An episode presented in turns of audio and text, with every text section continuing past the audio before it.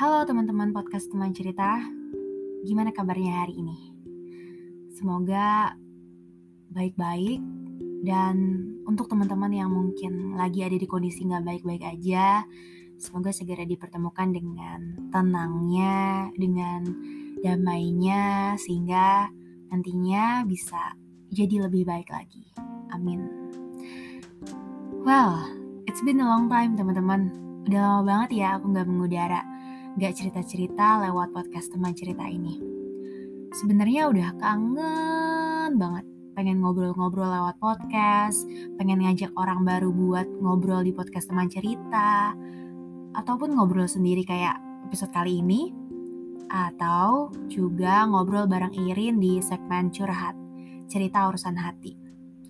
Tapi sayangnya, setelah kurang lebih vakum dua bulan ini, uh, dua bulan ini sebenarnya jadi bulan yang berat banget sih buat aku di tahun 2021 ini karena sejujurnya energiku nggak cukup untuk melakukan aktivitas lain selain bekerja, bantu-bantu sedikit komunitas, dan juga menempuh kembali proses perjalanan healing aku. Bisa dibilang healing untuk aku membutuhkan banyak energi. Makanya aku bisa bilang energiku nggak cukup untuk melakukan hal-hal yang aku suka. Termasuk mm, konsisten untuk podcast ini. Well, ngomongin self healing, hal ini berkaitan juga dengan topik yang akan aku bahas hari ini. Sempat udah lama sih sebenarnya. Waktu itu aku sempat scrolling Twitter dan aku nemuin salah satu tweet yang di retweet sama teman aku dan buat aku itu cukup ofensif ya. Walaupun tujuannya emang gak jelas untuk siapa, dan bisa jadi sebenarnya untuk bahan bercandaan dia aja. Bunyi tweetnya itu, gue liat-liat lo feeling mulu, sembuh juga enggak. Hmm, sejujurnya aku langsung kayak dek gitu, kayak hmm, kenapa harus muncul tweet seperti ini gitu? Kenapa sampai ada orang yang mungkin bisa dibilang membercandakan perjalanan healing seseorang dengan membuat tweet seperti itu. Kenapa aku bilang ofensif ya? Karena sebetulnya bunyi dari tweet itu tuh seolah-olah menjadikan orang-orang yang melakukan perjalanan healing ini dianggap melakukan glorifikasi terhadap penyakit mental yang mereka derita. Padahal yang namanya healing baik yang dilakukan sendiri atau self healing maupun yang dibantu oleh bantuan profesional ini sebenarnya sebuah perjalanan yang menurutku untuk setiap orang itu punya waktu yang berbeda-beda. Ada yang sebentar ada juga yang mungkin butuh bertahun-tahun untuk sampai di fase penerimaan. Dan itu sebetulnya wajar. Gak perlu dijadikan sebagai momok candaan untuk orang-orang yang menganggap dirinya itu cukup tangguh menghadapi kehidupan, atau merasa dirinya lebih bersyukur, atau merasa dirinya lebih sehat secara mental. Karena sejujurnya, siapa sih yang mau punya stres dalam waktu berkepanjangan? Siapa sih yang mau punya rasa khawatir atau cemas yang berlebihan? Atau siapa sih yang mau punya mental yang gak sehat? Gak ada yang mau semua orang pengennya punya perasaan yang baik-baik aja, punya pikiran yang bisa hidup dengan nyata di masa sekarang. Karena kondisi mental yang gak sehat itu juga sebenarnya bener-bener gak enak. Kenapa aku bilang gak enak? Bukan cuma gak enaknya itu di hati atau pikiran aja. Bukan cuma penuh secara pikiran atau nyesek di dada tapi kondisi mental yang gak sehat juga sebetulnya berpengaruh terhadap kondisi fisik lainnya. Seperti apa pengaruhnya? Pengaruhnya tuh bisa menimbulkan penyakit-penyakit fisik yang rasanya tuh bener-bener nyata. Bukan sekedar kayak perasaan doang atau dirasa-rasa gitu. Secara terminologi, ini disebut sebagai gangguan psikosomatis. psiko yaitu pikiran dan soma yaitu tubuh. Istilah gangguan psikosomatis sebenarnya digunakan untuk menyatakan keluhan fisik yang diduga disebabkan atau diperparah oleh faktor psikis atau mental, seperti halnya stres, depresi, takut, ataupun cemas. Gangguan psikosomatis ini sebetulnya masih menjadi fenomena medis yang belum dapat dijelaskan secara pasti hingga kini. Tapi, aku bisa bilang kalau hal ini tuh nyata. Kenapa? Karena ketika aku mencoba merefleksikannya ke dalam pengalaman yang aku rasain, uh, terlebih ketika aku sedang mengalami stres berkepanjangan atau momen-momen di saat aku ngerasa level depresi aku cukup berat ya. Aku sering kali merasakan gangguan-gangguan fisik seperti halnya mual, asam lambung naik, tenggorokan agak panas, sakit kepala yang bener-bener sampai nyut-nyutan banget, kemudian pernah juga badan aku sakit hingga bener-bener gak bisa beranjak dari kasur ya. Kalau aku sering bilang ke teman-teman yang sering dengerin cerita aku, rasanya itu kayak abis disedot dementor yang ada di film Harry Potter. Well, aku sebenarnya nggak tahu sih gimana uh, perasaan sebenarnya ketika disedot oleh dementor, tapi kurang lebih analoginya seperti itu lah ya. Uh, kemudian kalau inget-inget salah satu buku yang pernah aku baca, judulnya Loving the Wounded Soul. Uh, kemudian diingat lagi uh, dari materi mentorship aku yang waktu itu sempat berbicara soal kesehatan secara holistik. Sebetulnya tubuh, pikiran, emosi kita itu punya hubungan yang begitu kompleks dan saling terhubung satu sama lain. Mekanismenya ini nggak sederhana dan bisa dibilang sulit dipahami. Namun uh, ada satu analogi dari penulis yang menurutku cukup sederhana dan bisa dimengerti. Di sana penulis bercerita, uh, jadi ketika seorang ibu tiba-tiba menerima telepon dari seseorang yang mengatakan bahwa anaknya meninggal akibat kecelakaan. Ibu tersebut langsung mengalami beberapa uh, gejala fisik yang nggak mengenakan, seperti halnya lututnya langsung lemas dan nafasnya tersengal-sengal. Hal ini kurang lebih menjadi analogi yang bisa memberikan penjelasan bagaimana sebetulnya rasa cemas, takut, dan stres itu mempengaruhi kondisi fisik kita. Adapun yang namanya perasaan depresi. Berbeda halnya dengan kejadian ibu tadi, biasanya depresi itu justru merenggut kenyamanan dari tubuh seseorang tanpa kejadian yang jelas. Jadi perlu ada tahapan-tahapan lebih lanjut untuk menggali sebetulnya apa hal yang menjadi akar permasalahan dari orang tersebut sehingga mengalami level depresi tertentu. Dan untuk menggali ke akarnya itu sebetulnya kita butuh waktu yang gak sebentar apalagi ketika akarnya itu ternyata trauma di masa kecil.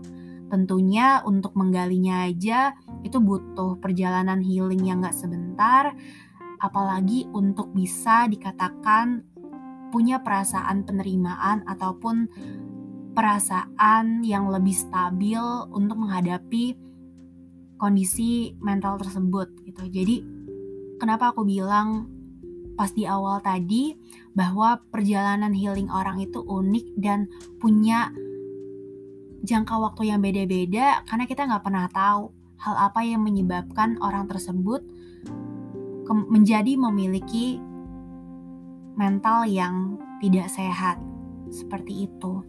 Tapi tapi nggak semua gangguan fisik itu timbulnya dari kesehatan mental. Bisa jadi memang karena murni dari fisik uh, berdasarkan apa yang buku itu bilang dan aku coba untuk merefleksikannya ke diri aku ketika memang mengalami beberapa gangguan fisik dan itu terjadi secara bersamaan selama berbulan-bulan uh, atau ketika mengalaminya di saat-saat stres sedang berkepanjangan atau merasa uh, depresinya sedang betul-betul berat bisa jadi sebetulnya ketika hal itu terjadi, tubuh lagi memberikan sinyal bahwa ada sesuatu yang salah nih pada emosi atau pikiran kita.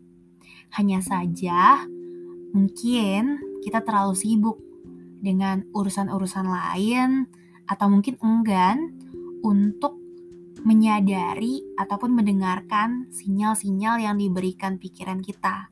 Sehingga sampai di fase di mana harus tubuh yang memberikan sinyal dengan uh, kondisi fisik yang mulai gak enak untuk kasus aku, hal ini sebetulnya uh, aku rasakan.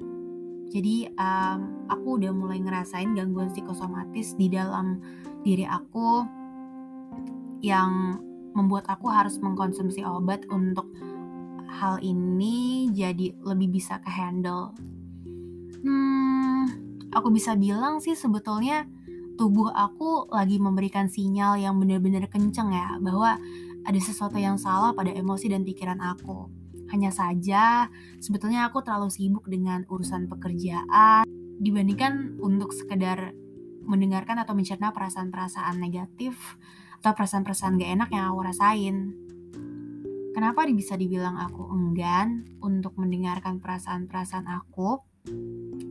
Untuk kasusku, setelah melakukan dialog dengan diri, aku menemukan Hmm, dua hal. Yang pertama adalah bagaimana aku enggan untuk dilanda kecemasan akan habisnya energi atau kelelahan yang akan timbul ketika aku harus menyelesaikan masalah-masalah yang aku hadapi secara mental ini gitu. Hal yang kedua adalah aku enggan karena aku takut. Aku dilanda akan ketakutan untuk melihat ke masa lalu dan ke dalam diri sendiri. Karena sebetulnya perjalanan ke dalam diri sendiri itu memerlukan keberanian gitu. Keberanian yang kuat karena akan selalu ada rintangan di dalam setiap perjalanannya. Entah mungkin itu memori di masa lalu, kenyataan bahwa mungkin ternyata aku belum memaafkan diriku sendiri, kenyataan bahwa ternyata aku pernah ada di fase yang begitu kesalnya, begitu bencinya, begitu marahnya, hingga aku betul-betul ingin menyakiti diri gitu. Dan berpikir bahwa aku itu worthless, hopeless, dan juga helpless. Jadi, dua keadaan tersebut sebetulnya menjadi excuse di mana aku belum siap untuk menemui duka ataupun terampil untuk menderita gitu. Karena sebetulnya perjalanan healing itu baik yang dilakukan oleh sendiri ataupun dengan bantuan profesional, ini butuh skill untuk siap berduka dan harus latihan terus biar terampil menderita. Kenapa harus terampil menderita gitu ya? Kok orang pengennya bahagia, ini kita harus terampil menderita. Karena sebetulnya dalam kehidupan ini kita nggak akan pernah berhenti untuk mungkin sering kali dihadapkan kepada masalah-masalah hidup yang bisa mengingatkan kita terhadap kesedihan-kesedihan bahkan trauma-trauma di masa lalu. Jadi kalau ngomongin latihannya, latihannya berapa lama? Nah ini cuma diri kita sendiri yang tahu dan setiap orang tentunya punya tempo ataupun waktu yang berbeda-beda. Dan itu normal. Dan orang lain gak berhak menghakimi orang yang melakukan perjalanan healingnya. Sekali lagi, baik bentuknya self-healing maupun healing dengan bantuan profesional. Karena perjalanan healing itu gak mudah. Jadi kalau ketika sudah mencoba untuk melakukan healing dengan diri sendiri mencoba berbagai macam metode tapi ternyata merasa sulit kita sangat boleh untuk pergi ke profesional untuk ngebantu kita sembuh dari luka atau lebih tepatnya terampil menderita. Karena sebetulnya healing itu tuh adalah satu perjalanan yang betul-betul personal gitu. Nggak mudah dan juga nggak murah. Jadi kalau misalnya ada teman kamu yang kamu tahu sedang melakukan self healing ataupun dibantu dengan bantuan profesional, Daripada menjadikan hal tersebut sebagai bahan candaan, yang kayak tweet tadi, gue liat-liat lo healing mulu, tapi sembuh juga enggak, miskin iya. Daripada dijadikan bahan candaan seperti itu, akan lebih baik jika kamu bisa memberikan support menjadi safe space atau jika tidak bisa, mungkin diam kali ini memang betul adalah emas. Agak cukup menggebu-gebu dan terbawa emosi. Tapi anyway, ngomongin support untuk kamu yang lagi dalam masa-masa memulai healing atau masih dalam proses uh, menerima di masa-masa healing itu, kamu gak sendirian. Ingat, ada diri kamu dan ada orang-orang sekitar kamu yang menyayangi kamu. Kondisi sulit ini pasti perlahan bisa kamu terima, dan perlahan kamu bisa mulai memaafkan diri kamu sendiri menerima luka, dan memaafkan hal-hal yang sudah kamu lalui di masa lalu. Ada satu tulisan dari uh, Dwi Handayani atau lebih familiar disebut dengan Uwik ya.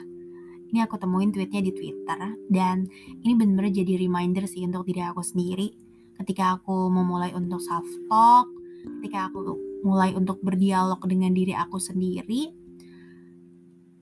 aku ngerasa tulisan ini tuh bener-bener kasih kekuatan untuk aku. Dan aku pengen hal ini juga semoga bisa jadi kekuatan untuk teman-teman. Jadi tulisannya itu kayak gini. Sebelum karena siapa pun yang menguatkanmu, dirimulah yang paling berjasa. Hatimu, jiwamu, dan semuanya yang ada di kamu bergotong royong untuk saling menguatkan. Jadi, sebelum memaafkan orang yang menyakitimu, maafkanlah dirimu sendiri karena sudah membiarkannya merasakan sakit itu. Sebelum berterima kasih kepada yang membantumu, berterima kasihlah kepada dirimu sendiri yang sudah mau berjuang bersama sampai hari ini. Terima kasih diriku, kamu hebat, kamu berharga. Wow, Semoga kutipan kalimat dari tulisan Uwik itu bisa ngebantu teman-teman yang lagi ada di proses healing jadi bisa lebih kuat, jadi nggak ngerasa sendiri karena pada dasarnya kita punya diri kita yang mau nemenin kita, mau jadi sahabat untuk kita sampai hari ini, nemenin kita untuk tetap bernafas. Jadi, ayo teman-teman, pasti kita semua bisa untuk melewati masa-masa sulit ini. Dan untuk kamu yang merasa memiliki teman yang sedang melakukan perjalanan healingnya, kamu bisa coba tanyain kabar dia hari ini. Ingetin mereka kalau mereka nggak sendiri. Ingetin mereka kalau mereka itu dicintai kok. Dan kasih tahu mereka kalau mereka butuh pertolongan, kamu ada. Jadi, sekian ceritaku hari ini. Apa ceritamu? Sampai jumpa di episode berikutnya podcast teman cerita. Semoga membantu.